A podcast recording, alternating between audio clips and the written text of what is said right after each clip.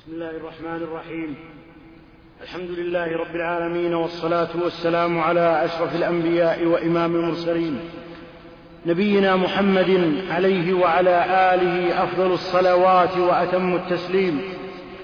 أما بعد فيقول المؤلف رحمنا الله وإياه والمسلمين أجمعين النوع الثاني الحسن وهو في الاحتجاج به كالصحيح عند الجمهور. وهذا النوع لما كان وسطا بين الصحيح والضعيف في نظر الناظر لا في نفس الأمر عسر التعبير عنه وضبطه على كثير من أهل من أهل هذه الصناعة وذلك لأنه أمر نسبي شيء ينقدح عند الحفاظ ربما تقصر عبارته عنه وقد تجد وذلك لأنه أمر نسبي شيء ينقدح عند الحافظ ربما تقصر عبارته عنه وقد تجشم كثير منهم حده.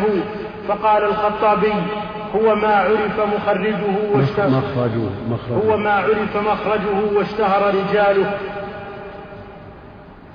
قال وعليه مدار قال وعليه مدار أكثر الحديث وهو الذي يقبله أكثر العلماء. ويستعمله عامة الفقهاء. قلت فإن كان المعرف هو قوله ما عرف مخرجه واشتهر رجاله فالحديث الصحيح كذلك بل والضعيف وإن كان بقية الكلام من تمام الحد فليس هذا الذي ذكره مسلما له أن أكثر الحديث من قبيل الحسان ولا هو الذي يقبله أكثر العلماء ويستعمله عامة الفقهاء.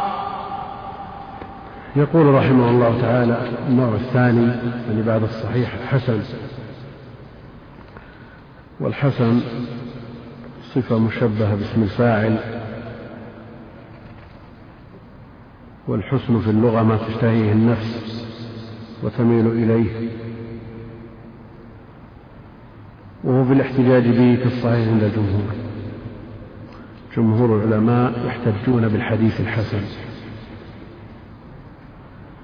ويستوي في ذلك الحسن لذاته والحسن لغيره حجة عند جمهور العلماء.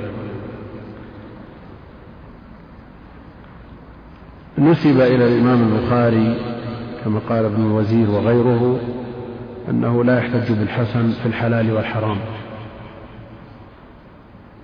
هو ظاهر كلام أبي الحسن بن القطان لا سيما في الحسن لغيره.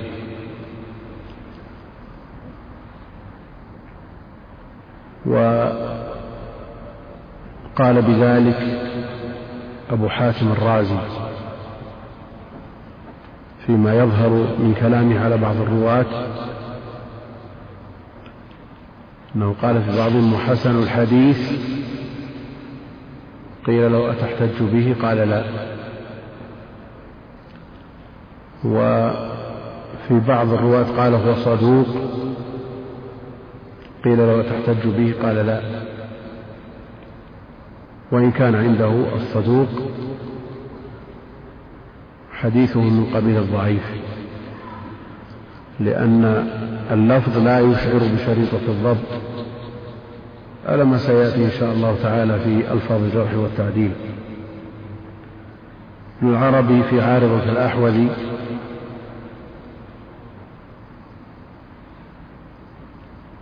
رجح عدم الاحتجاج بالحديث الحسن.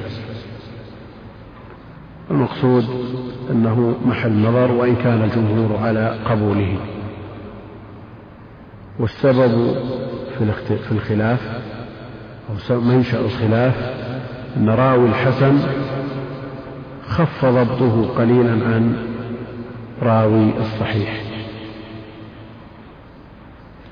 فمن نظر إلى أصل الضبط احتج به. ومن نظر إلى أن هذا الضبط قد خف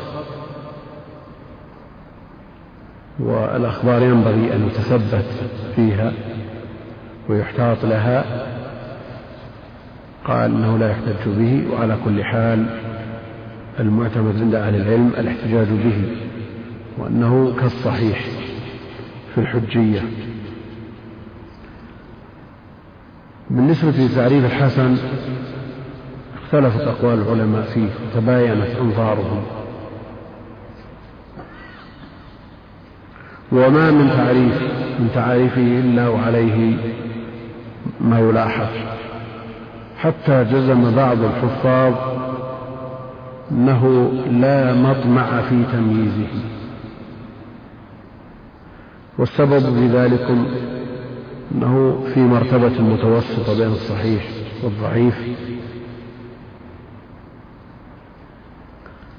فمتى يقرب من الصحيح ومتى يقرب من الضعيف؟ هذه منزلة متأرجحة بين أمرين.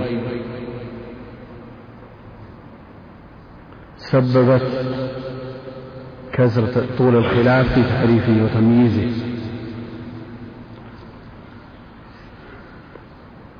وهو أيضا كما أشار الحافظ رحمه الله تعالى أنه شيء ينقدح عند الحافظ. ربما تقصر عبارته عنه. كما قالوا في الاستحسان. شيء ينقدح في ذهن المجتهد لا يستطيع التعبير عنه. وهنا يحكم على هذا الراوي الذي كلام لأهل العلم بأن حديثه من قبيل الحسن ويحكم على هذا الحديث الذي اختلف فيه العلماء من مصحح ومضاعف لأنه أو ينقدح في ذهنه أنه حسن. يقول وقد تجشم كثير منهم حده.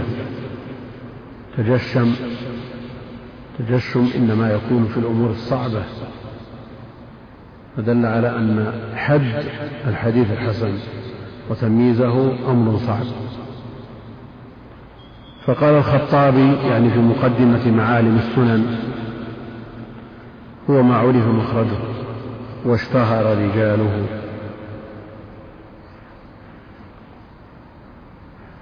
انتهى الحد وبقي الحكم أو ما زال الحد ناقص؟ ما عرف مخرجه واشتهر رجاله. إن كان الحد قد انتهى كما يراه الحافظ العراقي رحمه الله حسن معروف مخرجا وقد اشتهرت رجاله بذاك حد حمد انتهى. التعريف وقال الترمذي ما سلم إلى آخره. إن كان هذا هو التعريف ما عرف مخرجه واشتهر رجاله فالأمر كما قال الحافظ ابن كثير رحمه الله الصحيح كذلك. عرف مخرجه واشتهر رجاله. والضعيف أيضا كذلك. عرف مخرجه قد يكون مخرجه معروف. والمخرج المراد به مكان الخروج. والمراد به مصدر هنا الراوي الضعيف قد يكون مما عرف مخرجه اشتهر رجاله بالضعف مثلا. وإن كان بقية الكلام من تمام الحد وعليه مدار أكثر الحديث وهو الذي يقبله أكثر العلماء. يخرج الصحيح لأنه يقبله جميع العلماء. ويخرج أيضا الضعيف لأنه لا يقبله جماهير العلماء وإن كان في خلاف طويل ستأتي الإشارة إليه إن شاء الله تعالى.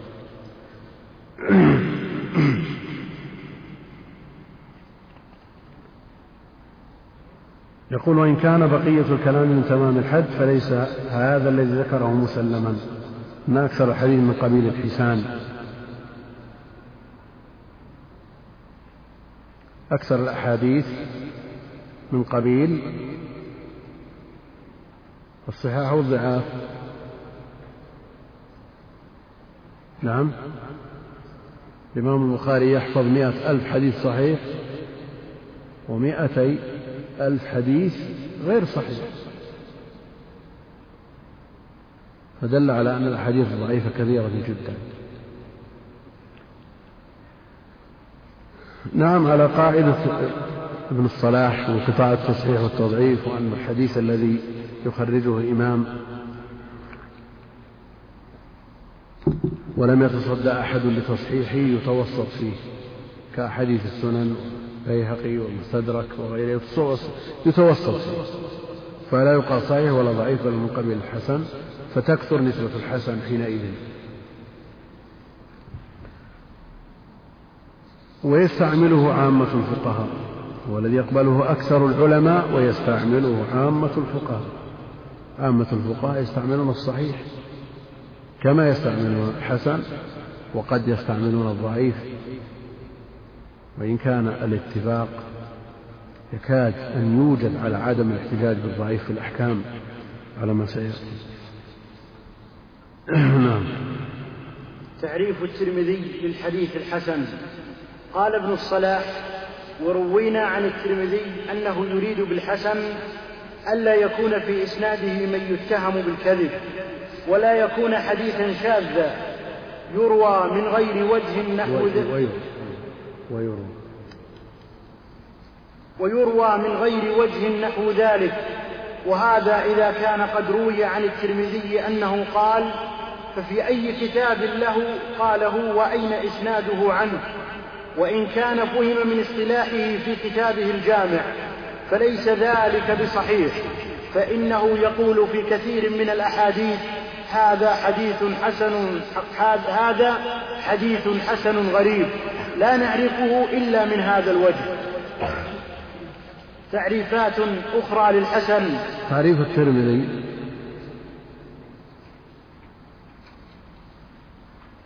ذكره ابن الصلاح ونقله الحافظ ابن كثير متابعة وإن لم نقف عليه من كلامه هو موجود في علل الجامع. موجود في علل الجامع المطبوعة في آخر جامع الترمذي. وهي التي شرحها الحافظ ابن رجب رحمه الله تتميما لشرحه على جامع الترمذي والشرح كله مفقود وبقي شرح العلل. فعلى هذا كلام الحافظ ابن كثير روي عن الترمذي أنه قال ففي أي كتاب له قاله؟ قاله في علل الجامع وانتهى الإشكال. وانتهى التردد إن كان قاله وإن كان فهم من كلامه هذا انتهى. هو قاله صراحة. يقول روينا عن الترمذي أنه يريد بالحسن أن لا يكون في إسناده من يتهم بالكذب. ولا يكون حديثا شاذا ويروى من غير وجه يعني أن الإمام الترمذي يشترط لتسمية الحديث حسنا أن يشتمل على ثلاثة شروط. أن لا يكون في إسناده من يتهم بالكذب. ولا يكون شاذا وأن يروى من غير وجه لكن مجرد انتفاء التهمة بالكذب تكفي ليكون الحديث حسنا قد يكون ضعيفا ضعف أخف من الاتهام بالكذب.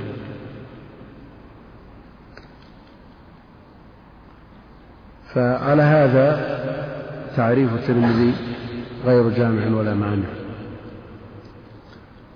فهو غير جامع لنوعي الحسن وغير مانع لدخول أنواع الضعيف كالمنقطع مثلا ولم يشترط الاتصال وأيضا غير مانع لما كان بعض رواته فاسق مثلا بغير الاتهام بالكذب كما أشرنا وهو أيضا غير مانع لدخول الصحيح فالصحيح لا يكون في إسناده من يتهم بالكذب ولا يكون شاذا ويروى من غير وجه.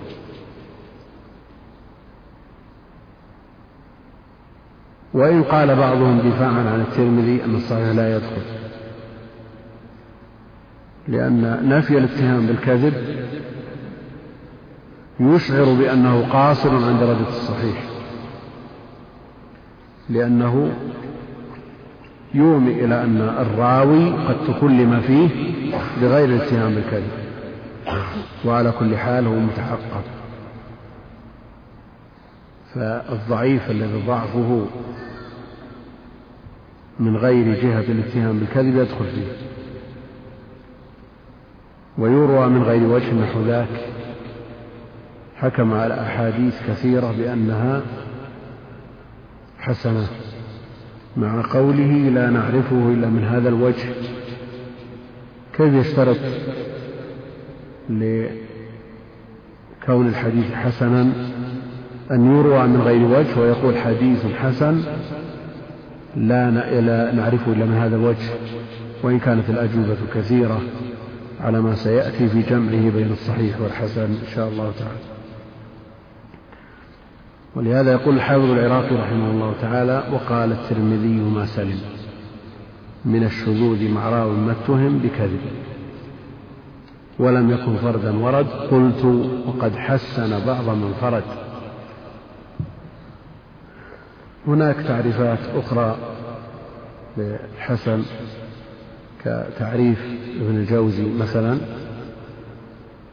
وتعريف ابن الصلاح تقسيمه على كل حال تعريفات كثيرة للحسن. نقتصر على ما ذكره المؤلف اختصارا للوقت نعم. تعريفات أخرى للحسن. قال الشيخ أبو عمرو بن الصلاح رحمه الله وقال بعض المتأخرين الحديث الذي فيه ضعف قريب محتمل هو الحديث الحسن ويصلح العمل به. ثم قال الشيخ وكل هذا مستبهم لا يشفي الغليل. وليس فيما ذكره الترمذي والخطابي ما يفصل الحسن عن عن الصحيح. وقد أمعنت النظر في ذلك والبحث. فتنقح لي واتضح أن الحديث الحسن قسمان. أحدهما الحديث الذي لا يخلو رجال إسناده من مستور لم تتحقق أهليته غير أنه ليس مغفلا كثير الخطأ ولا هو متهما بالكذب ويكون متن الحديث قد روي مثله أو نحوه من وجه آخر فيخرج بذلك عن كونه شاذا أو منكرا. ثم قال وكلام الترمذي على هذا القسم يتنزل. قلت لا يمكن تنزيله لما ذكرناه عنه والله أعلم. قال القسم الثاني أن يكون راويه من المشهورين بالصدق والأمانة ولم يبلغ درجة رجال الصحيح. في الحفظ والإتقان ولا يعد ما ينفرد به منكرا ولا يكون المتن شاذا ولا معللا. قال وعلى هذا يتنزل كلام الخطابي. قال والذي ذكر والذي ذكرنا يجمع بين كلاميهما. قال الشيخ أبو عمرو ولا يلزم من ردود الحديث من طرق متعددة كحديث الأذنان من الرأس.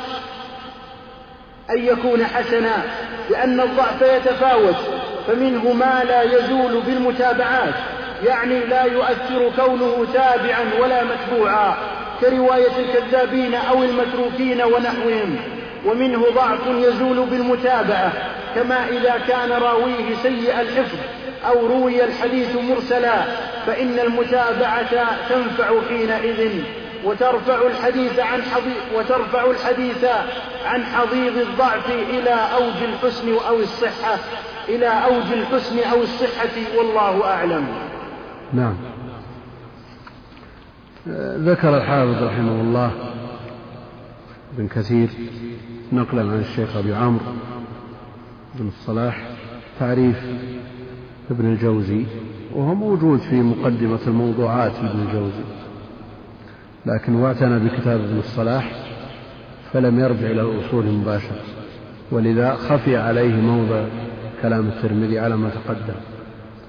بعض المتأخرين يريد به أبا الفرج بن الجوزي في مقدمة الموضوعات حد الحديث الحسن بأنه الذي فيه ضعف قريب محتمل.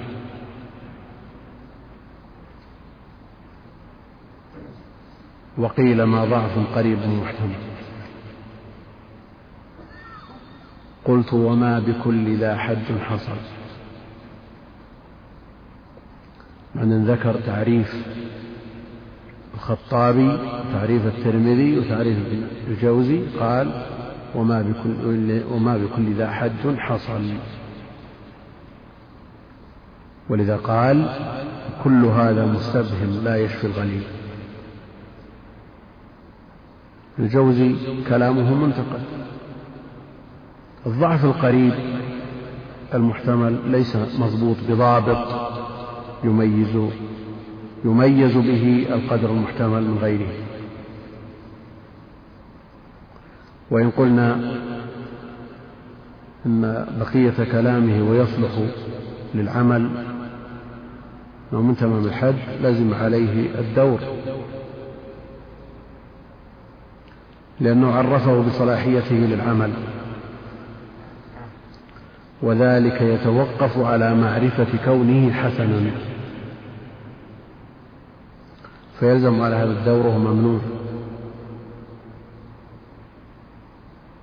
إذا كنا لا نعرف الحسن إلا بصلاحيته للعمل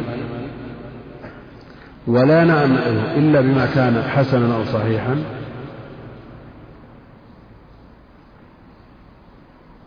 هذا الدور الممنوع. لولا مشيبي ما جفا لولا جفاه لم أشد. ما ينتهي الأمر. فعلى كل حال القدر المحتمل غير منضبط وغير متميز وليس له حد يعرف به أوله وآخر. ولذا ذكر ابن الصلاح أن كل هذا مستبهم. لا يشفي الغليل يقول وليس فيما ذكره الترمذي والخطابي ما يفصل الحسن عن الصحيح على ما تقدم. ثم بعد ذلك يقول المصطلح وقد أمعنت النظر في ذلك والبحث فتنقح لي واتضح أن الحديث الحسن قسمان.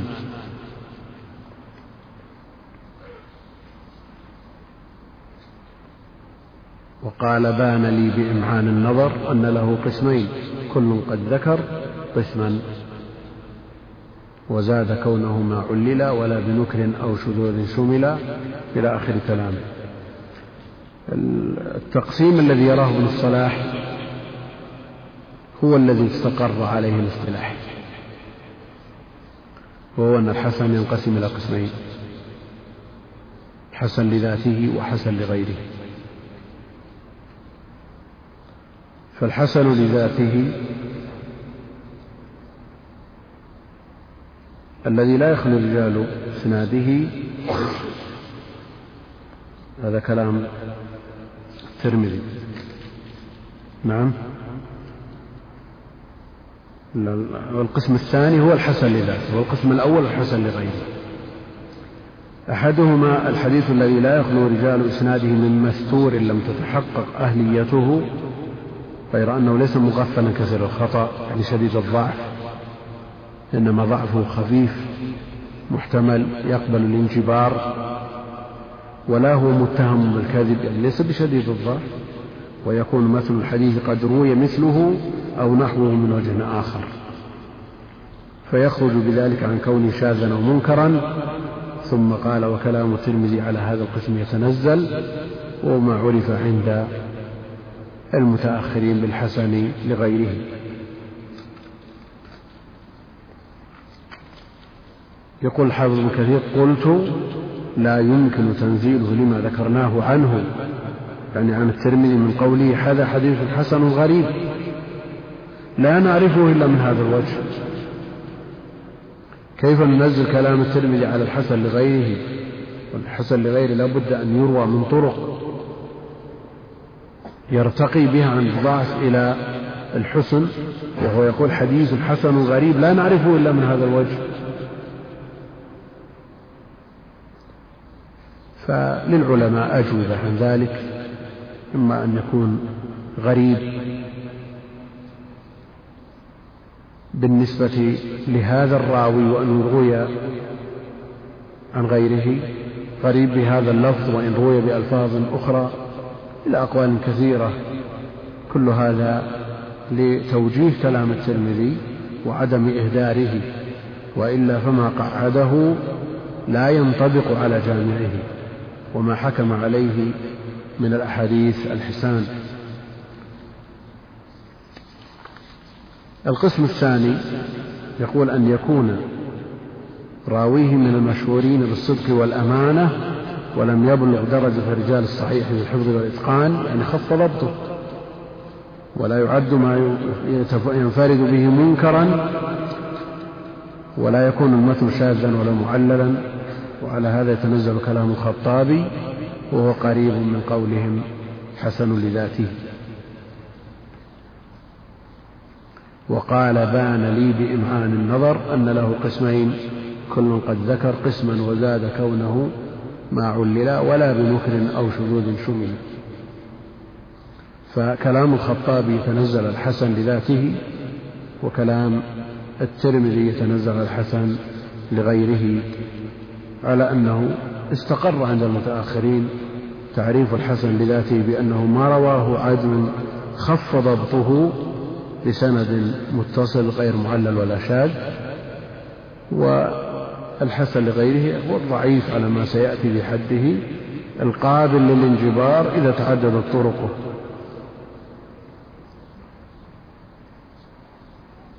ابن جماعة له تعريف في المنهل الروي كأنه يريد أن يجمع حد قسمي الحسن في حد واحد. يرى أنه جامع مانع. يقول ما اتصل سنده وانتفت علله. في سنده مستور له به شاهد أو مشهور غير متقن. مستور له شاهد حسن لغيره. مشهور غير متقن يعني خف ضبطه فنزل عن درجة الحفظ والضبط والإتقان ويدخل في هذا حسن لذاته. قال الشيخ أبو عمرو لا يلزم من ورود حديث من طرق متعددة كحديث الأذنان من الرأس. يعني لو ليس كل حديث ضعيف يمكن أن يرتقي إلى درجة الحسن لأن من الضعف ما يقبل الانجبار ومنه ما لا يقبل الانجبار فأحاديث الكذابين هؤلاء مهما بلغ عددهم لا ترتقي بل لا تزداد إلا سوءا.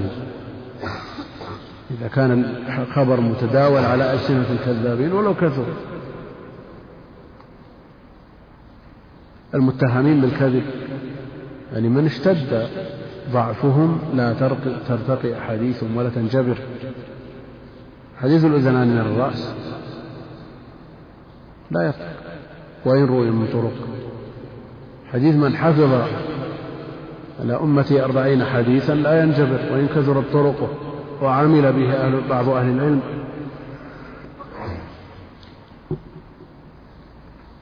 يقول لأن الضعف يتفاوت فمنه ما لا يزول بالمتابعات. يعني لا يؤثر كونه تابعا أو متبوعا.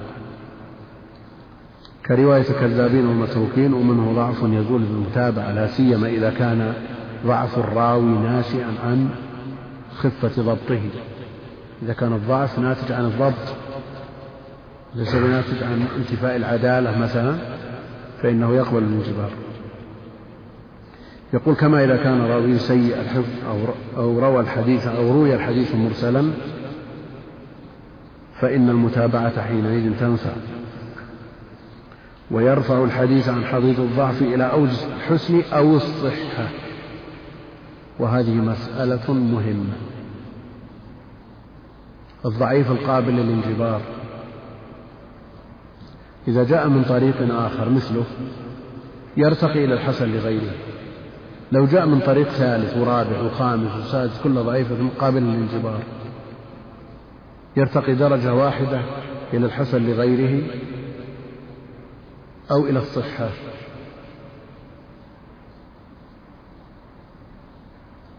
وإذا روي الحديث الضعيف بسند قابل للانجبار وله شواهد تقويه صحيحة أو له متابعات صحيحة يرتقي ولا ما يرتقي؟ يرتقي لكن إلى الحسن يرتقي درجة واحدة أو أكثر. مسألة خلافية بين أهل العلم. منهم من يقول أن الضعيف لا يرتقي إلا إلى الحسن لغيره مهما كانت متابعات وشواهد ولو كانت في الصحيح. وهذه لفتة لطيفة من الحافظ بن كثير رحمه الله تعالى. ويقول ويرفع الحديث عن حضيض الضعف إلى أوج الحسن أو الصحة. أكثر من يزاول التخريج ودراسة الأسانيد لا يرقي الحديث أكثر من درجة. لو قلنا إن هذا صنيع الأكثر ما بعد لكن هل يرتقي الضعيف إلى الصحيح؟ يتجاوز أكثر من درجة؟ أقول إذا كان الشاهد صحيح أو المتابع في الصحيح وش المانع؟ لأن المقصود الحكم على المتن. مراد الحكم على المتن. لأنك حكمت على هذا الإسناد بأنه ضعيف. وارتقى بشواهده ومتابعاته الصحيحة إلى الصحيح. فالمتن محفوظ صحيح.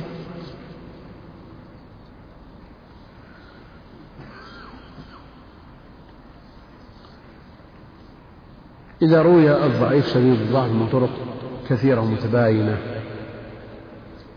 وجزمنا بأنهم لم يتواطؤوا على ولم يتفقوا على تلقي هذا الخبر مثلا أو يكون مصدرهم واحد. نقل الخبر من طريق رواة ضعاف شديد الضعف لكن طرقهم متباينة. لا شك أن الكذاب قد يصدق. وقد قال عليه الصلاة والسلام عن الشيطان صدقك وهو كذوب. فهل نستطيع أن نرقي الحديث شديد الضعف إلى الحسن بتعدد طرقه؟ طرق متباينة جاءت من جهات. الجمهور لا. طريقة السيوطي وأشار إليه في ألفيته أنه يمكن المعنى؟ فقال وربما يكون كالذي بدي يعني كالحسن لغيره. وعمل الشيخ ناصر الألباني رحمه الله ناصر الدين الألباني أحيانا يؤيد هذا القول. لكن المعتمد عند جماهير العلماء أن شديد الضعف لا ينجب الحديث وأنه لوجود رواية مثل عدمها نعم. الترمذي أصل في معرفة الحديث الحسن. قال وكتاب الترمذي أصل في معرفة الحديث الحسن وهو الذي نوه بذكره ويوجد في كلام غيره من مشايخه كأحمد والبخاري وكذا من بعده كالدار قطني. نعم الترمذي هو الذي شهر الحديث الحسن. هو الذي شهره في كتابه في جامعه. لا يكاد حديث من الحكم عليه بالحسن أو بالصحة مع الحسن غالبا قد يفرد الصحة. المقصود أن غالب الأحاديث محكوم عليها بالحسن إما مفردا أو مظلوما إلى الصحة. شيخ الإسلام رحمه الله تعالى يقول أول من عرف أنه قسم هذه القسمة أبو عيسى الترمذي ولم تعرف هذه القسمة عند أحد قبله. يعني ذكر حديث تقسيمه إلى صحيح حسن ضعيف.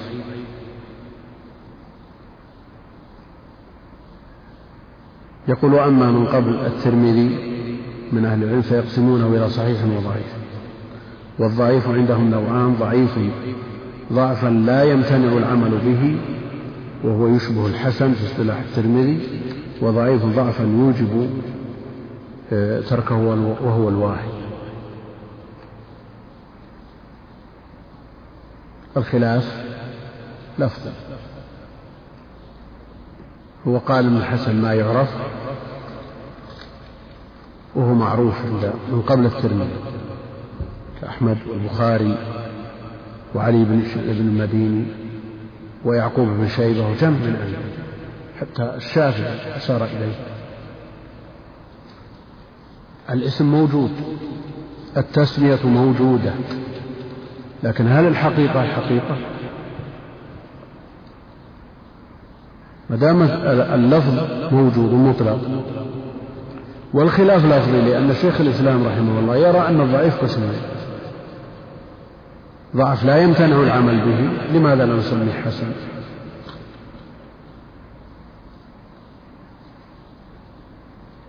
نعم.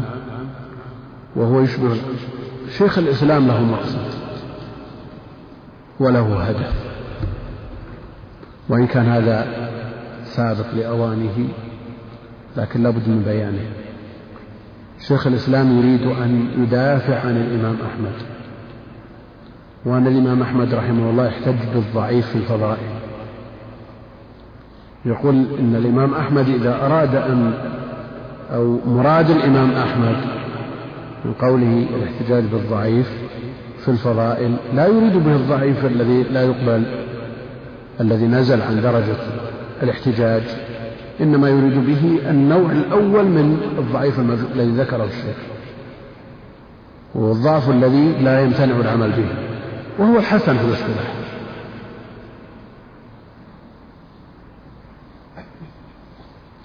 لكن كلام الشيخ رحمه الله متعقب أولا إطلاق الحسن موجود عند من قبل الترمذي من طبقة شيوخه وشيوخهم. الأمر الثاني أنه يلزم منه أن الإمام أحمد لا يحتج بالحديث الحسن في الأحكام.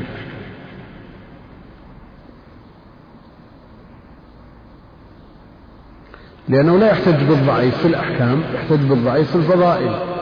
والضعيف عند شيخ الإسلام رحمه الله الذي اصطلح عليه فيما بعد بأنه هو الحسن. إذا الإمام أحمد لا يحتج بالضعيف في الأحكام وهذا خلاف المعروف في مذهب الإمام أحمد. على كل حال يأتي في الاحتجاج بالضعيف كلام طويل حول هذه المسألة لكن هذه إشارة. نعم. أبو داود من مظان الحديث الحسن قال ومن مظانه سنن أبي داود.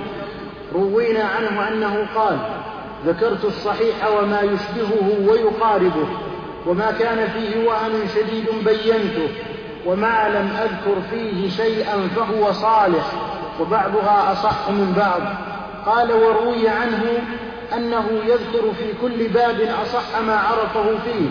قلت ويروى عنه أنه قال وما سكت عنه فهو حسن. قال ابن الصلاح فما وجدناه في كتابه مذكورا مطلقا وليس في واحد من الصحيحين ولا نص على صحته أحد فهو حسن عند أبي داود. قلت الروايات عند أبي, عند أبي الروايات عن أبي داود بكتابه السنن كثيرة جدا ويوجد في بعضها من الكلام بل والأحاديث ما ليس في الأخرى. ولأبي عبيد الآجري عنه أسئلة في الجرح والتعديل والتصحيح والتعليل كتاب مفيد. ومن ذلك أحاديث أحاديث ورجال قد ذكرها في سننه فقوله وما سكت عنه فهو حسن ما سكت عليه في سننه فقط أو مطلقا. هذا مما ينبغي التنبيه عليه والتيقظ له. نعم. من مظان الحديث الحسن ثم ذكر حديث الحسن وحيث الحد والتعريف والحكم. ذكر من مظانه ذكر جامع الترمذي وسنن أبي داود. لأن أبا داود قال في رسالته إلى أهل مكة ذكرت فيه الصحيح وما يشبهه ويقاربه. فالذي يشبه الصحيح ويقاربه هو الحسن قال وما كان فيه وهن شديد بينته وما لم أذكر فيه شيئا فهو صالح. وبعضها أصح من بعض. قال وروي عنه أنه يذكر في كل باب أصح ما عرف فيه.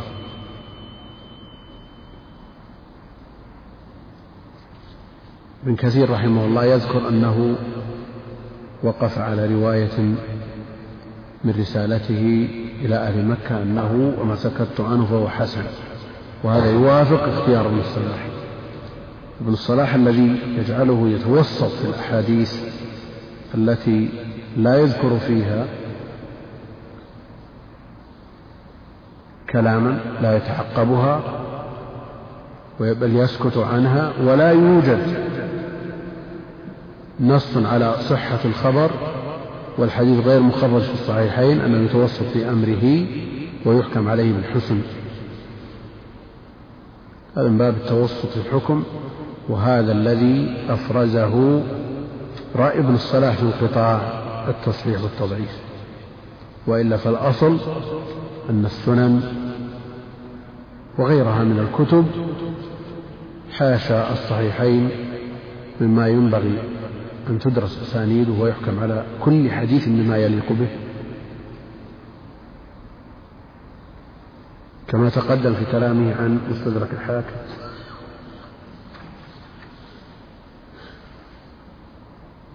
يقول ابن الصلاح فما وجدناه في كتابه مذكورا مطلقا وليس في واحد من الصحيحين ولا نص على صحته أحد فهو حسن عند أبي داود.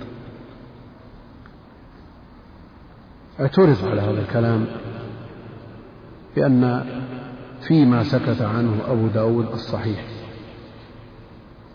وفيما سكت عنه أبو داود الحسن وهو كثير وفيما سكت عنه الضعيف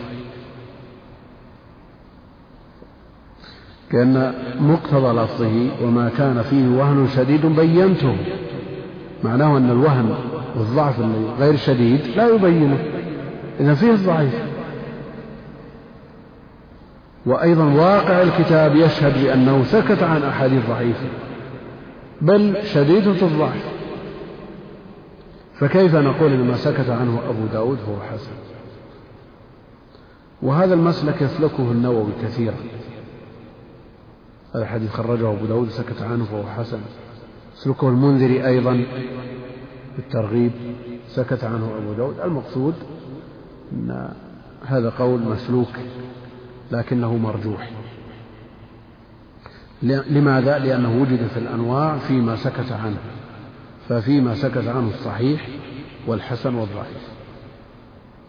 والأولى أن يتصدى للكتاب وغيره من الكتب التي لم يلتزم مؤلفوها الصحة أو التزموا واشترطوا لكن لم يفوا أن يحكم على كل حديث بما يليق به.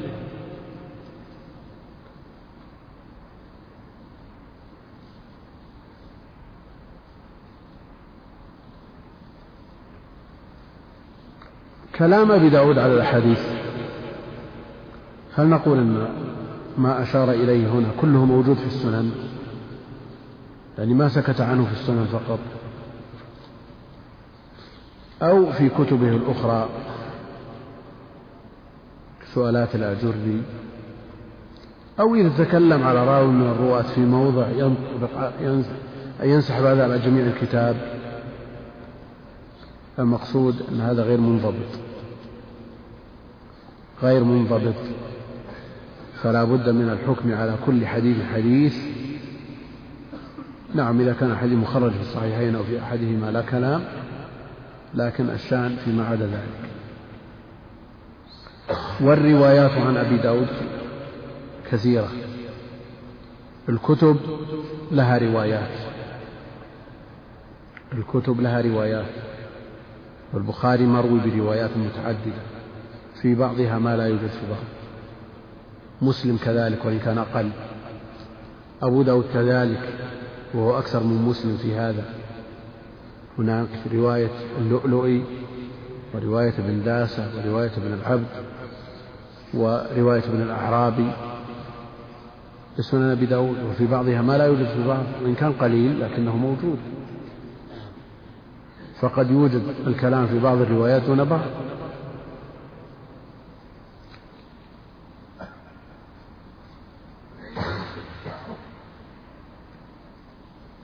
ويوجد في بعضها من الكلام بل والأحاديث ما, ما ليس في الأخرى.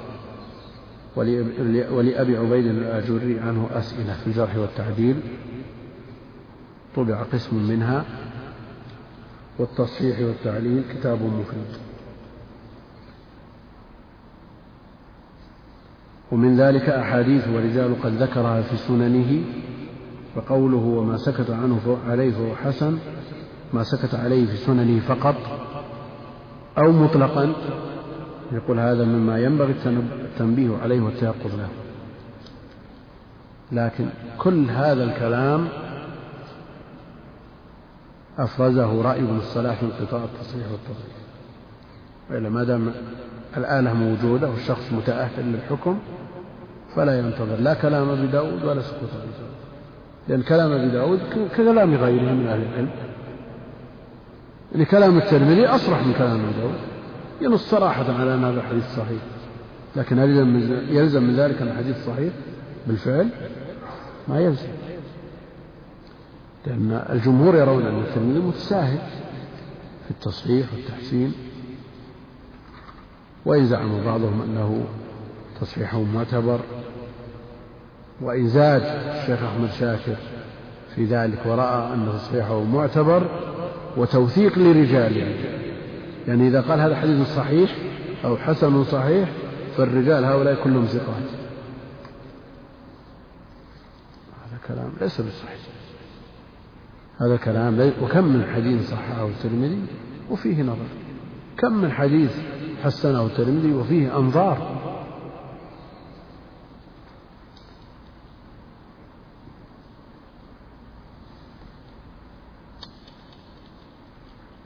قول أبي داود رحمه الله ذكرت فيه الصحيح وما يشبهه ويقاربه. ابن سيد الناس يرى أن كلام أبي داود مثل كلام الإمام مسلم حينما قسم الرواة إلى طبقات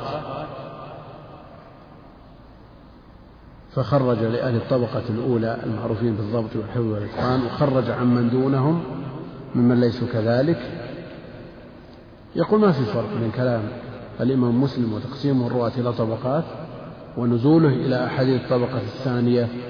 بل والثالثة أحيانا من ما في فرق بينه وبين قول الإمام أبي داود ذكرت الصحيح وما يشبهه ويقاربه ولذا يقول حافظ العراقي رحمه الله وللإمام اليعمري إنما قول أبي داود يحكي مسلم حيث يقول جملة الصحيح لا توجد عند مالك والنبلاء فاحتاج أن ينزل في الإسناد إلى يزيد بن أبي زياد. مسلم نزل عن الدرجة الأولى عن الطبقة الأولى عن الحفظ والضبط والإتقان لكنه التزم الصحة ووفى بها وإذا نزل نزل إلى من خف ضبطه وارتفعت هذه الخفة بمتابعة غيره من أهل الضبط والإتقان. فرق بين ما نزل إليه الإمام مسلم وبين ما سكت عنه فرق كبير. وواقع الكتابين يشهد بالفرق. وإن قال ابن سيد الناس هذا الكلام.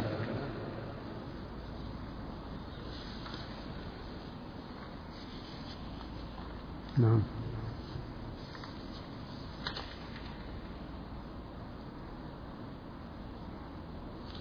يقول هذا السائل وهذه مناسبة. ألا يقال عن تصحيح الترمذي أو تحسينه لبعض الأحاديث توثيق فعلي لرجل رجال الإسناد عنده وإن لم يكن عند غيره؟ متى يكون توثيق فعلي؟ إذا كان الحديث يدور عليه. لكن إذا قال التلميذ هذا حديث حسن صحيح وفي الباب عن فلان وفلان وفلان ما يحتمل أن يكون توثيق فعلي. لكن إذا خرج البخاري عن شخص مدار الحديث عليه قلنا توثيق فعلي أما إذا خرج الحديث ثم حكم عليه بالصحة وفي الباب غيره نظر إلى المجموع. معروف طريقة الترمذي آه، التصحيح آه، المجموع كما هو معروف. نعم. يقول ما هو القول الراجح الحسن لغيره؟ يحتج به في العقائد والأحكام؟ وهل يخصص القرآن والحديث المتواتر والآحاد. المقصود إذا قلنا أن الحسن حجة كالصحيح على الخلاف في ذلك وما ذكر من الخلاف بين قسميه هل يحتج بالحسن لذاته أو الحسن لغيره إذا ارتقى. ما دام اقتنعنا أن الحديث وصل إلى رتبة الحسن والحسن حجة فهو حجة والشرع متساوي الأقدام. يستوي في ذلك العقائد والأحكام والفضائل وغيرها. كما ستأتي الإشارة إليه إن شاء الله تعالى في الضعيف. نعم. كتاب المصابيح للبغوي. قال وما يذكره البغوي في كتابه المصابيح من أن الصحيح ما أخرجاه أو أحدهما وأن الحسن ما رواه أبو داود والترمذي وأشباههما فهو اصطلاح خاص لا يعرف إلا له وقد أنكر عليه النووي ذلك لما في, لما في بعضها من الأحاديث المنكرة. نعم. البغوي الإمام حسين بن مسعود البغوي له كتاب اسمه المصابيح. مصابيح السنة مطبوع مشهور متداول وله شروح كثيرة. ورتبه التبريزي في المشكاة وزاد عليه. المقصود أنه كتاب مشهور. لكن البغوي سلك مسلك غريب. فإذا ذكر الباب ذكر من الصحاح ويقصد بذلك ما خرج في الصحيحين أو في أحدهما.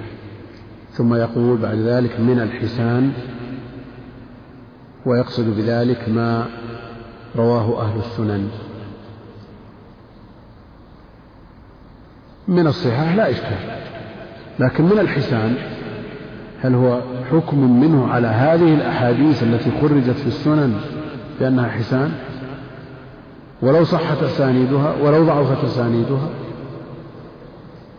وهل لقائل أن يقول أن كلام البغوي مستدرك ويشاحح في اصطلاحه؟ أو نقول كما يطلق أهل العلم لا مشاحة في الاصطلاح. والبغوي قسم المصابح إلى الصحاح والحسان جانحا أن الحسان ما رووه للسنن. قلت نعم. نعم بل فيها غير الحسن. المقصود هل يشاحح البغوي في اصطلاحه أو نقول أنه بين اصطلاحه في المقدمة ويكفي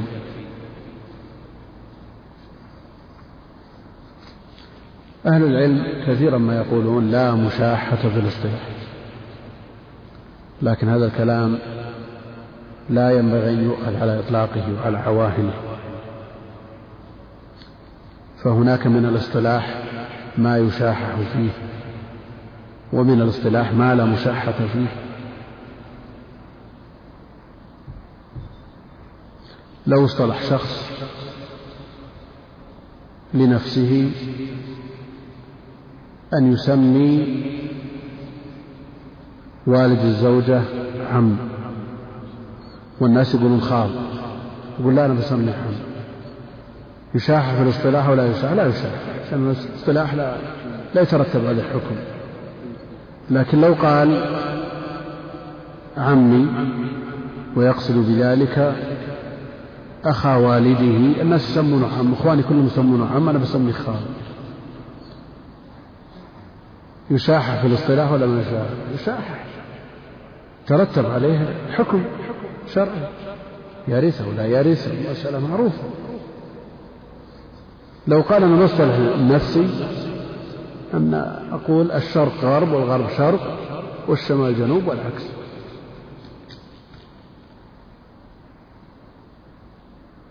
والسماء تحت والأرض فوق. أنا ببين بالمقدمة والاصطلاح نقول له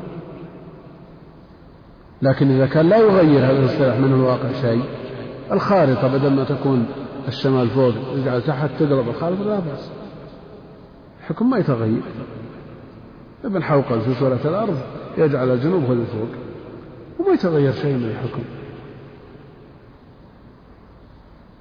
لكن شرقوا أو غربوا في الحديث تقول لا أنا الشرق عندي جنوب وجنوب. تقول لا. فالاصطلاح الذي يترتب عليه حكم. ويخالف هذا الاصطلاح لا بد من المشاحة فيه فيشاح البغوي على هذا الاصطلاح ويناقش. فيه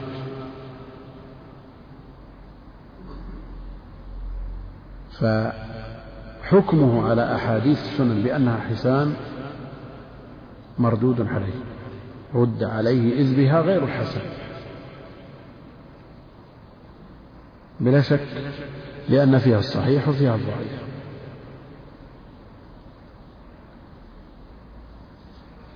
يقول وما يذكره البغوي في كتابه المصابيح من أن الصحيح ما أخرجاه أو أحدهما أن الحسن ما رواه أبو داود والترمذي وأشباههما هو اصطلاح خاص لا يعرف إلا به وقد أنكر عليه النووي ذلك لما في بعضها من الأحاديث المنكرة.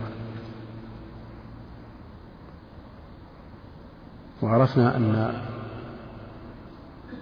الاصطلاح الذي يخالف ما تقرر في علم من العلوم استقر عليه أهل الفن لا بد من المشاحة فيه.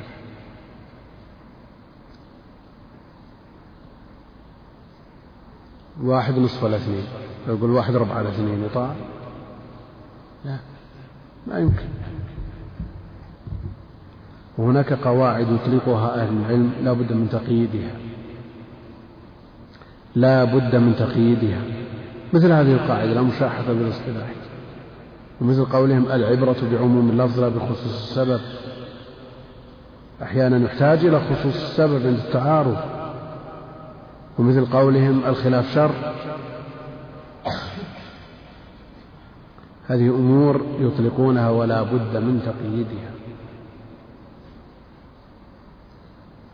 لو تواطأ كثير الناس على ارتكاب محرم تقول الخلاف شر؟ أو ترك واجب تقول الخلاف شر؟ لا. لكن ما يسع فيه الخلاف نعم الخلاف شر. المقصود أن البغوي يشاحح في اصطلاحه لأنه خالف ما تقرر في هذا العلم. نعم.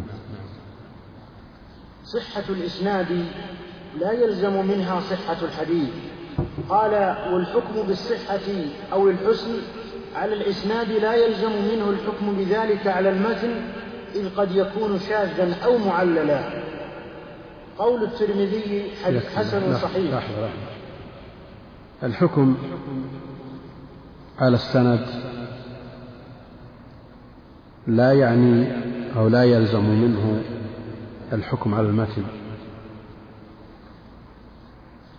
فإذا حكمنا على إسناد بأنه ضعيف.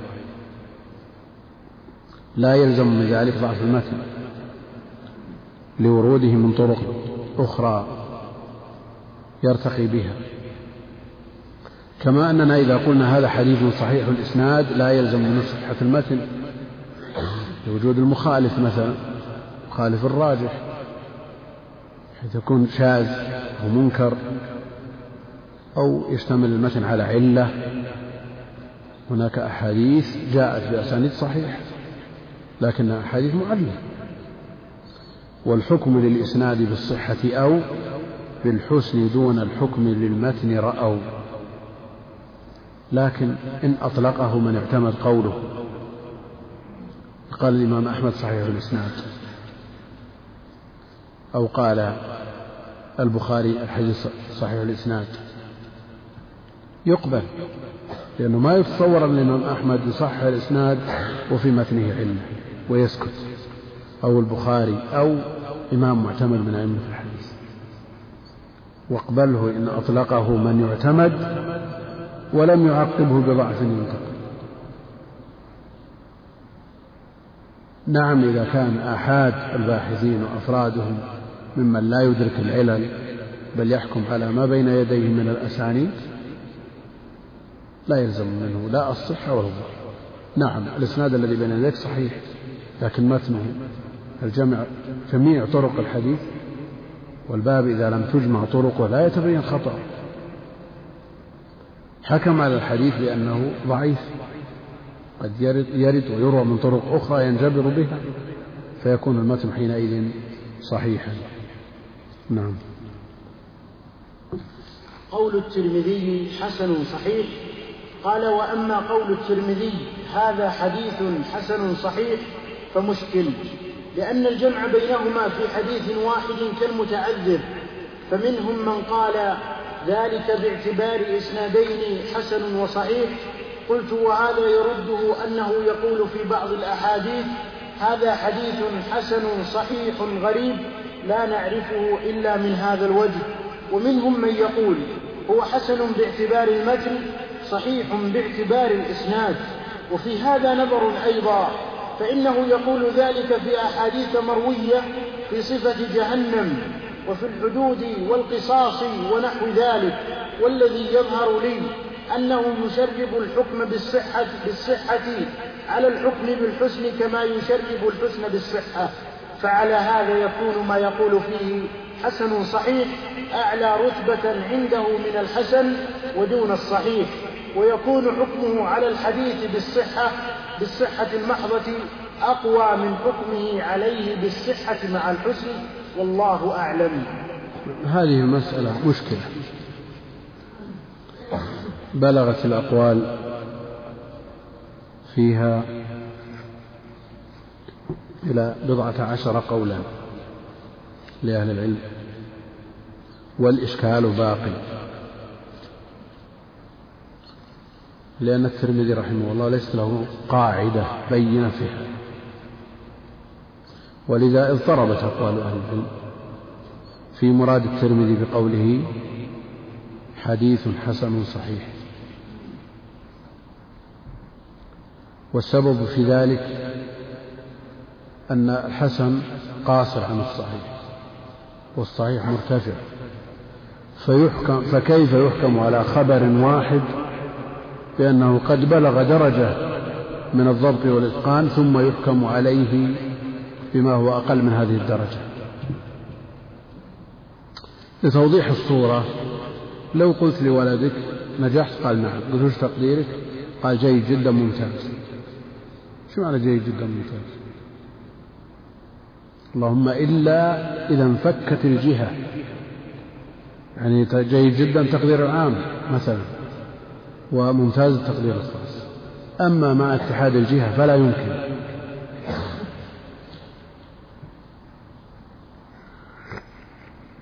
التمس أجوبة كثيرة عن هذا. منهم من يقول إن كان الحديث مروي من أكثر من طريق فمراد الترمذي أنه صحيح من طريق وحسن من طريق. فعلى هذا يكون حكمه بأن الحديث حسن صحيح أقوى من قوله صحيح فقط. وإذا كان الحديث غريبا ليس له إلا طريق واحد فقالوا إنه صحيح عند قوم وحسن عند آخرين.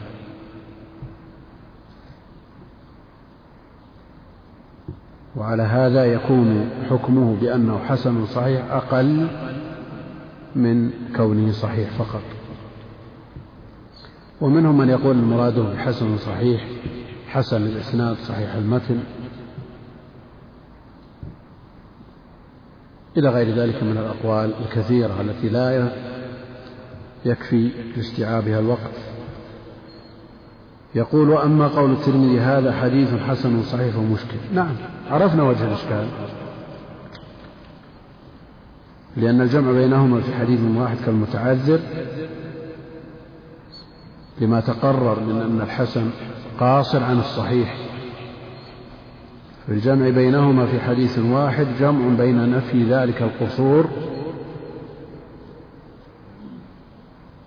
وإثبات له.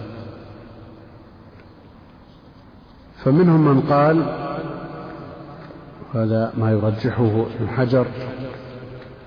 منهم من قال ذلك باعتبار إسنادين. أحدهما حسن والآخر صحيح. لكن الإشكال إذا قال حسن صحيح غريب. يعني ما في إلا إسناد واحد. لا نعرفه إلا من هذا الوجه. قلت يقول الحافظ ابن كثير رحمه الله قلت وهذا يرده أنه يقول في بعض الأحاديث هذا حديث حسن صحيح غريب لا نعرفه إلا من هذا الوجه.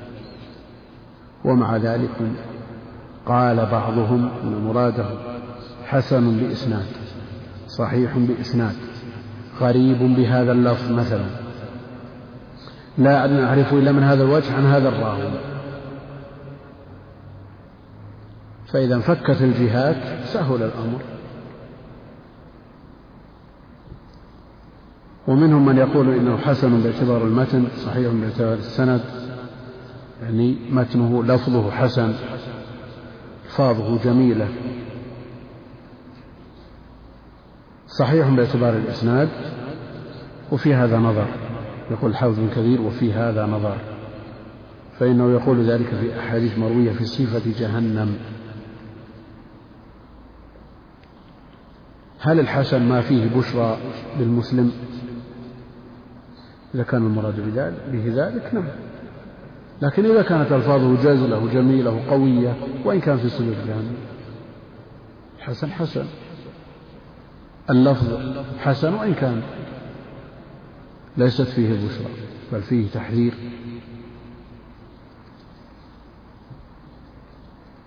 ولكم في القصاص حياة. أبلغ ما قيل في الباب. فاض حسنة أو جزلة أو جميلة. وهو قصاص. وهم يقولون القتل أنفى للقتل. يقول فإنه يقول ذلك في أحاديث مروية في صفة جهنم. وفي الحدود والقصاص ونحو ذلك.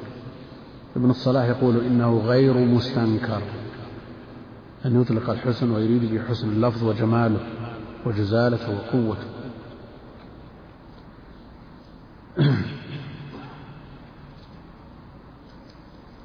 ابن دقيق العيد أورد عليه أن الضعيف ولو بلغ رتبة الوضع قد يأتي بألفاظ حسنة. يستحسنها السامع. ويلتز بسماعها ويميل إليه. حديث القصاص وأكثرها موضوعة. تلذذ الناس بسماعها. وأخبار الزهاد الموجودة في الكتب التي تعتني بذكر أخبارهم حلية وصفة الصفوة وغيرها فضلا عن طبقات الصوفية فيها ألفاظ كثير من الناس يتمنى سماعها ويتلذذ بذكرها. وفيها من الأخبار الموضوع الشيء الكثير. ولذا انتقاد من دقيق العيد يقول الضعيف ولو بلغ رتبة الوضع إذا كان حسن اللفظ ألا يرد على قول ابن الصلاح وأنه غير مستنكر. يقول الحافظ الكريم بعد ذلك والذي يظهر لي أنه يعني الترمذي يشرب الحكم في الصحة على الحديث بالحسن كما يشرب الحسن بالصحة. يعني يمزج يخلط يعني مثل لو وضعت ليمون على السكر حامض حلو. يشرب الحكم بالصحة على الحديث بالحسن. في اللي يطلع يطلع شيء متوسط بينهما شيء متوسط بين الصحة والحسن.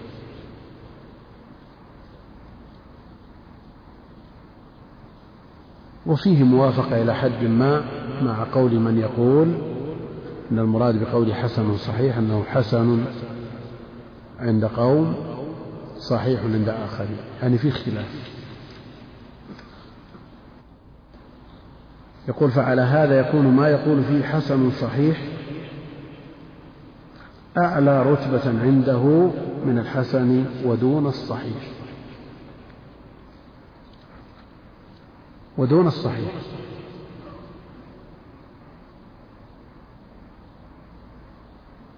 يعني لو أتينا بسكر خالص. نعم. وأتينا بسكر وعصرنا عليه شيء من الحنظل شيء يسير. صار أقل من السكر الخالص. وإلا الحامض حلو أحسن منه. نعم. أرفع مرتبة من السكر. على كل حال هذا للتنظير والتوضيح يقول فعلى هذا يكون ما يقول فيه حسن صحيح أعلى رتبة عنده من الحسن ودون الصحيح. يعني في مرتبة متوسطة بين الحسن والصحيح. ويكون حكمه على الحديث بالصحة المحضة أقوى من حكمه على الحديث بالصحة مع الحسن. والله أعلم. على كل حال متى نحتاج إلى هذا الكلام كله؟ هذا الكلام وهذا الإشكال وفهم والإجابة عن متى نحتاج إليه؟ إذا أردنا أن نقلد الترمذي في أحكامه.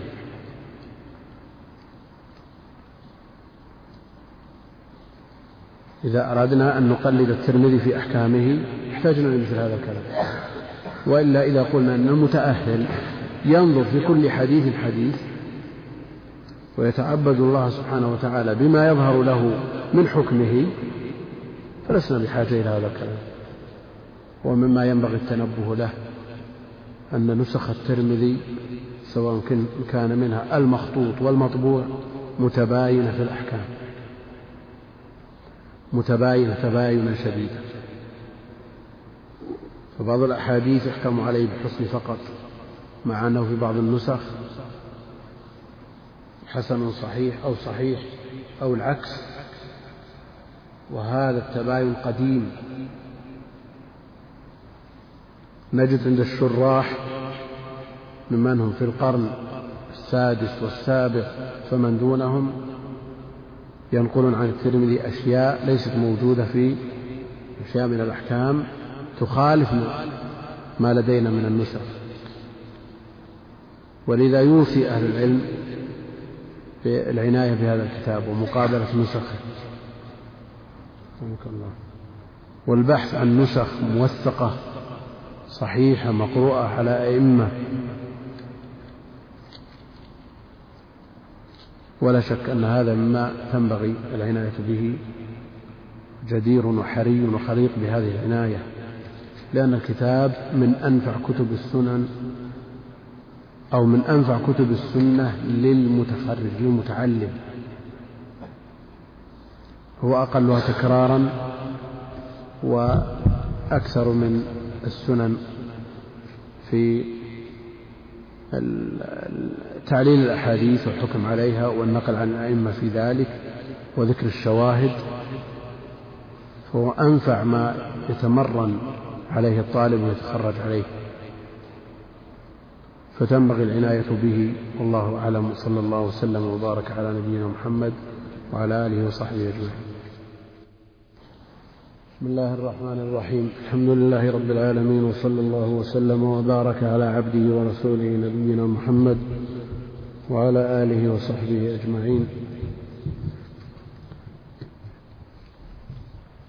يقول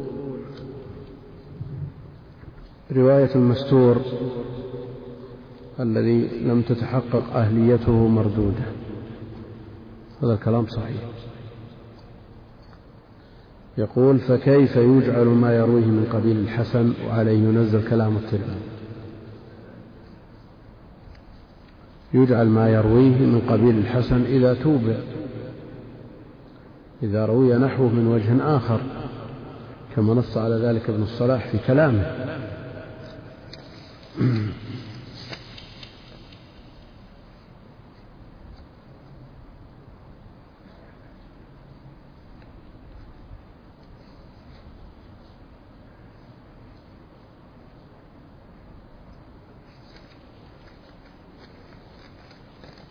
أسئلة كثيرة.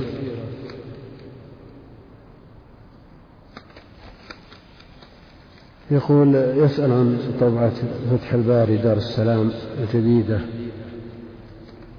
طبعوه أولا وقالوا إنهم طبعوه على طبعة الأنصارية الهندية وعلى بولاق وغيرها من الطبعات. ووجد في بعض في طبعتهم بعض الأخطاء التي لا توجد في الطبعات السابقة لأن الكتاب كبير ويحتاج إلى جمع من من المتأهلين لمقابلته والنظر في نسخه ترجيح بعض الألفاظ على بعض. المقصود أنها طبعة لا بأس بها في الجملة لكن ليست خالية تماما من الأخطاء هم بكلامهم وقولهم أنهم قابلوها على الطبعات السابقة كلها. يوحي كلامهم أنها أفضل من الطبعات السابقة. لا ليست بأفضل. أحضرت عندنا في الدرس ووقفنا على بعض الأخطاء التي لا توجد في غيرها. وعلى كل حال طبعتهم الجديدة التي فيها التعليقات على مسائل الاعتقاد من أول الكتاب إلى آخره ينبغي أن تقتنى يستفاد منها هذه التعليقات.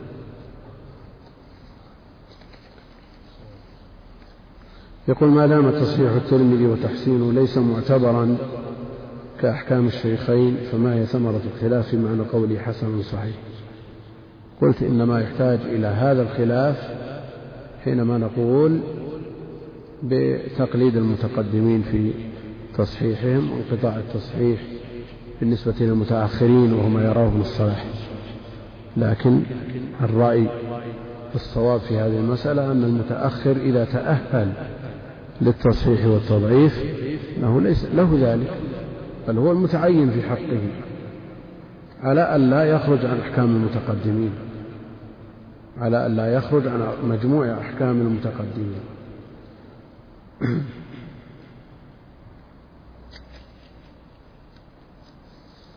يقول في الحديث الذي يتقوى, يتقوى بالمتابعات والشواهد إذا كان الحديث في العقيدة كيف يعقد المسلم عليه قلبه آه، في أمور الاعتقاد مع أنه أصلا لم يجزم بثبوت الحديث نفسه.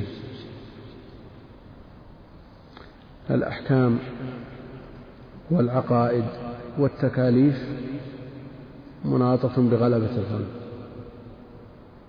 وإلا لو اشترطنا القاطع ما ثبت لنا إلا القليل النادر. نعم يثبت. يصفو لنا القرآن وما تواتر من السنة. لكن إذا وجدت غلبة الظن في ثبوت الخبر كفى لأن الأحكام مناطة بغلبة الظن. ولا يلزم أن نقطع بكل خبر نسمعه أو لا نعمل به لا. يجب العمل به. وإن لم نقطع بثبوته. فالأحكام والعقائد مناطها غلبة الظن. ولا نقول أنها تحتاج إلى دليل قطعي وإلا فلا. وإلا لم يثبت عندنا شيء يذكر. فعامة الأحاديث أخبار آحاد تفيد غلبة الظن إلا إذا احتفت بها قرينة على ما تقدم. يقول طبعة سمير الزهيري لبلوغ المرام. طبعا لا بأس بها في الجملة. نعم وجد عليه ملاحظات في تصحيح بعض الأحاديث وتضعيفها لكن هي في جملتها طيبة.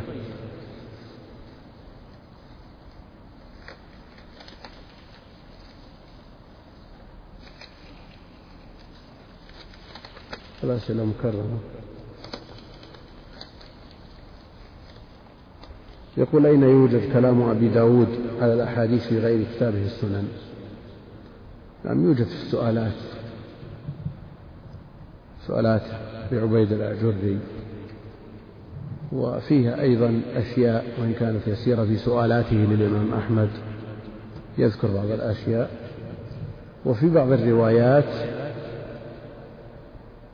ما يوجد دون بعض يعني ذكرنا أن سنن أبي داود مروي بروايات متعددة كغيره من كتب السنة. فيوجد في رواية اللؤلؤي ما لا يوجد في رواية ابن العبد ويوجد في رواية ابن العبد ما لا يوجد في رواية ابن داسة. فلا نجزم بأن داود لم يتكلم على هذا الحديث ولم ينبه عليه لأننا وقفنا على رواية واحدة حتى نجمع الروايات كلها.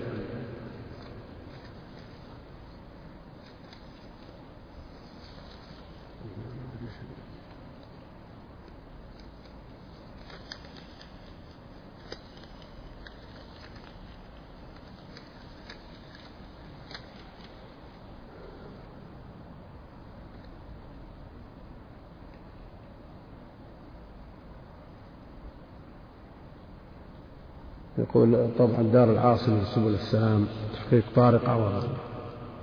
هذه طبعا ما رأيتها إلى الآن ما رأيتها وطارق عوض الله مظنة للتجويد. مظنة للتجويد.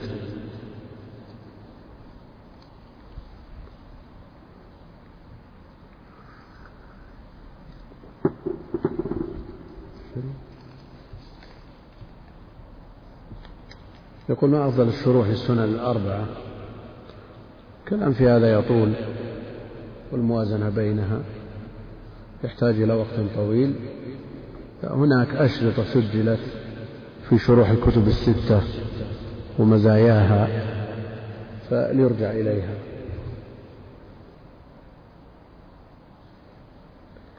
يقول ما حد التواتر من حيث العدد؟ قول الراجح فيه. قول الراجح أنه لا أحد محصور. بل إذا أفاد الخبر طمأنينة النفس والوثوق به وألزم السامع بتصديقه قد بلغ حد التواتر. وفي هذا كلام يطول جدا من حيث لزوم الدور وعدمه يحتاج إلى وقت لبسطه لأن المسألة دقيقة وتحتاج إلى وقت البسط. فلتراجع الأشرطة المسجلة في شرح النخبة ونظمها. نعم. سم. بسم الله الرحمن الرحيم. الحمد لله رب العالمين والصلاة والسلام على أشرف الأنبياء وإمام المرسلين. نبينا محمد عليه وعلى آله أفضل الصلوات وأتم التسليم. أما بعد فيقول المؤلف رحمنا الله وإياه والمسلمين أجمعين النوع الثالث الحديث الضعيف. قال وهو ما لم يجتمع فيه فيه صفات الصحيح ولا صفات الحسن المذكورة فيما تقدم. ثم تكلم على تعداد ثم تكلم على تعداده وتنوعه باعتبار فقده واحدة من صفات الصحة أو أكثر أو جميعها. فينقسم حينئذ إلى الموضوع والمقلوب والشاذ والمعلل والمضطرب والمرسل والمنقطع والمعضل وغير ذلك. يقول المؤلف رحمه الله تعالى النوع الثالث بعد أن تحدث في النوع الأول عن الصحيح والثاني عن الحسن. النوع الثالث الضعيف. وهذا هو الترتيب الطبيعي. وأما قول الحافظ العراقي وأهل هذا الشأن قسموا السنن إلى إلى صحيح وضعيف وحسن من أجل مراعاة النظم. وإلا فالأصل أن الضعيف متأخر عن رتبة الحسن وإدخاله في السنن أيضا من باب تتميم القسمة. وإلا فالأصل أنه لا يدخل في السنن لأن الغالب على الظن عدم ثبوته الضعيف من الضعف أو الضعف الضم لغة قريش والفتح لغة تميم وخلاف القوة والصحة. والضعف والضعف بالفتح والضم لغتان لمدلول واحد ويستعملان للضعف العام سواء كان في البدن أو في العقل والرأي وإن كان بعضهم يخص الضعف بفتح لضعف العقل والرأي وبالضم لضعف الجسد. المقصود أن هاتان لغتان قرئ بهما والضم لغة قريش والفتح لغة تميم. قال يعني ابن الصلاح وهو ما لم يجتمع فيه صفات الصحيح ولا صفات الحسن المذكورة فيما تقدم. لم تجتمع فيه صفات الحديث الصحيح. اختل فيه شرط من شروط الصحيح. شروط الصحيح الخمسة التي تقدمت عدالة الرواة تمام الضبط اتصال السند انتفاء الشذوذ انتفاء العلة. إذا تخلف شرط واحد من هذه الشروط قلنا إنه لم تجتمع فيه في هذه الصفات فهو الحديث الضعيف. ولا صفات الحديث الحسن المذكورة فيما تقدم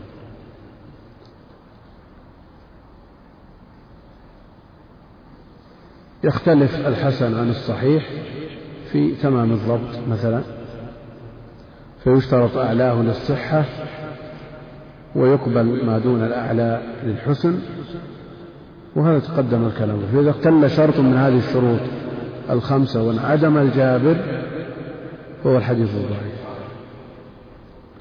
والنقاش طويل في هذا الحد وعطف صفات الحسن على صفات الصحيح لأنه إذا لم تجتمع فيه صفات الحسن فمن باب أولى لا تجتمع فيه صفات الحديث الصحيح.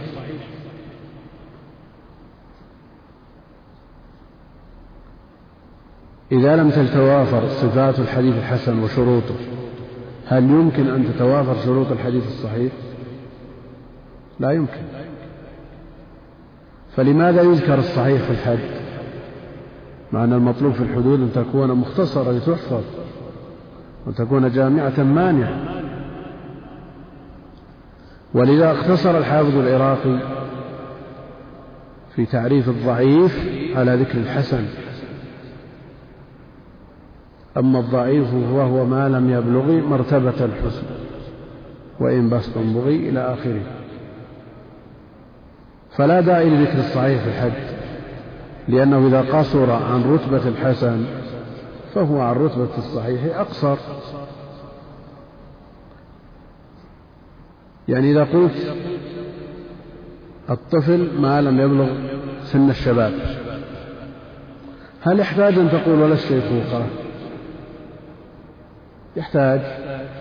لا يحتاج لأنه إذا قصر عن رتبة سن الشباب فهو عن سن الشيخوخة والكهولة أقصر. بعضهم يدافع عن ابن الصلاح ويقول ما هذا لا بد منه. لماذا؟ يقول هو نظير قولهم الكلمة اسم وفعل وحرف. الحرف ما لا يقبل علامات الاسم ولا علامات الفعل. ما يكفي أن نقول ما لا يقبل علامات الاسم. ولا يكفي أن نقول ما لا يقبل علامات الفعل. لكن هذا التنظير غير مطابق. هذا التنظير غير مطابق. وذكر الاسم والفعل لا بد منه.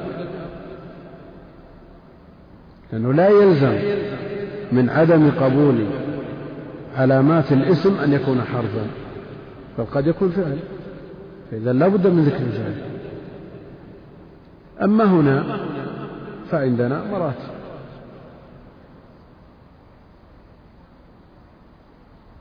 مراتب مرتب بعضها على بعض فلا يمكن الوصول إلى الدرجة آه، الثالثة إلا بعد مرور بالدرجة الثانية. على هذا لا نحتاج إلى ذكر الدرجة الثالثة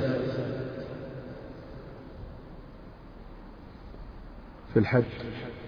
إذا قدر أن الأضعف الضعيف ثم الحسن. فإذا لم يصل إلى رتبة الحسن فلن يصل إلى درجة الصحيح. والكلام في هذا طويل ومناقشات لا يحتملها الوقت. ابن حجر خرج من هذا الكلام كله في تعريف الضعيف قال هو الحديث الذي لم تجتمع فيه صفات القبول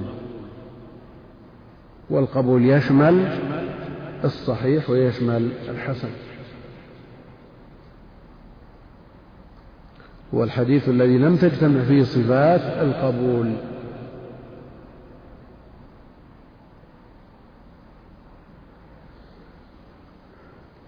ثم تكلم يعني ابن الصلاح.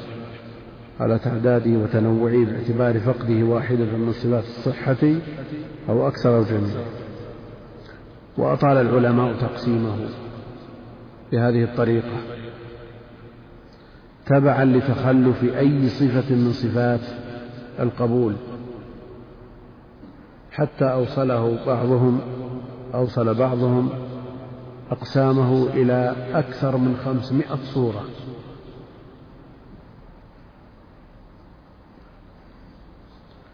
وطريقة استخراج هذه الصور. عندنا خمسة شروط. نأتي إلى الشروط واحدا بعد الآخر يصير عندنا خمس صور.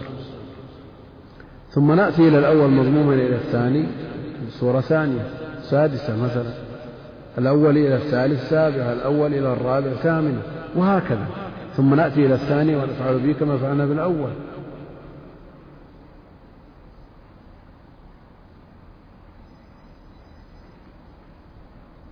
ابن حجر أضرب عن هذا كله وقال إن التقسيم بهذه الطريقة تعب ليس وراءه أرب كتبت الرسائل في أقسام الضعيف لكن ما النتيجة؟ ما النتيجة أن نوصل الأقسام إلى أكثر من خمسمائة قسم إلى خمسمائة صورة أو أكثر؟ ليس هناك فائدة.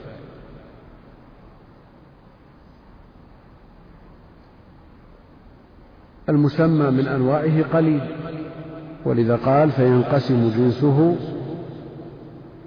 إلى الموضوع والمقلوب والشاذ والمعلل والمضطرب والمرسل والمنقطع والمعضل وغيره. ويكتفى في بقية الصور أن يقال ضعيف أو ضعيف جدا.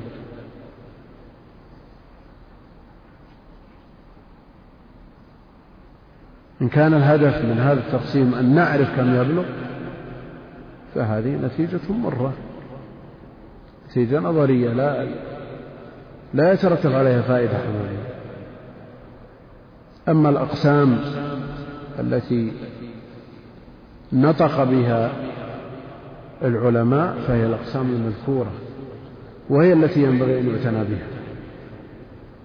الموضوع والمقلوب والشاذ والمعلل والمضطرب والمرسل والمنقطع والمعضل وغير ذلك. وسيأتي تفصيلها إن شاء الله تعالى.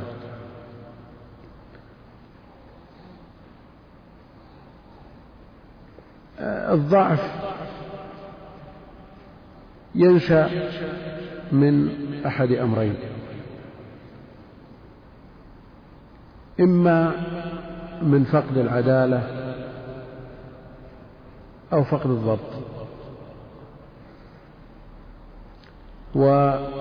والعدالة يخرمها أمور. الكذب تهمة بالكذب. الفسق البدعة جهالة على خلاف في المجهول. يأتي ذكره إن شاء الله تعالى. وهل الجهالة جرح أو عدم علم بحال الراوي؟ تأتي الإشارة إلى ذلك إن شاء الله تعالى. وعدم الضبط يكون بسبب كثرة الخطأ فحش الغلط الوهم مخالفة الثقات وغير ذلك. المقصود أن الضعف سرب إلى الخبر بهذه الأشياء بسبب هذه الأشياء.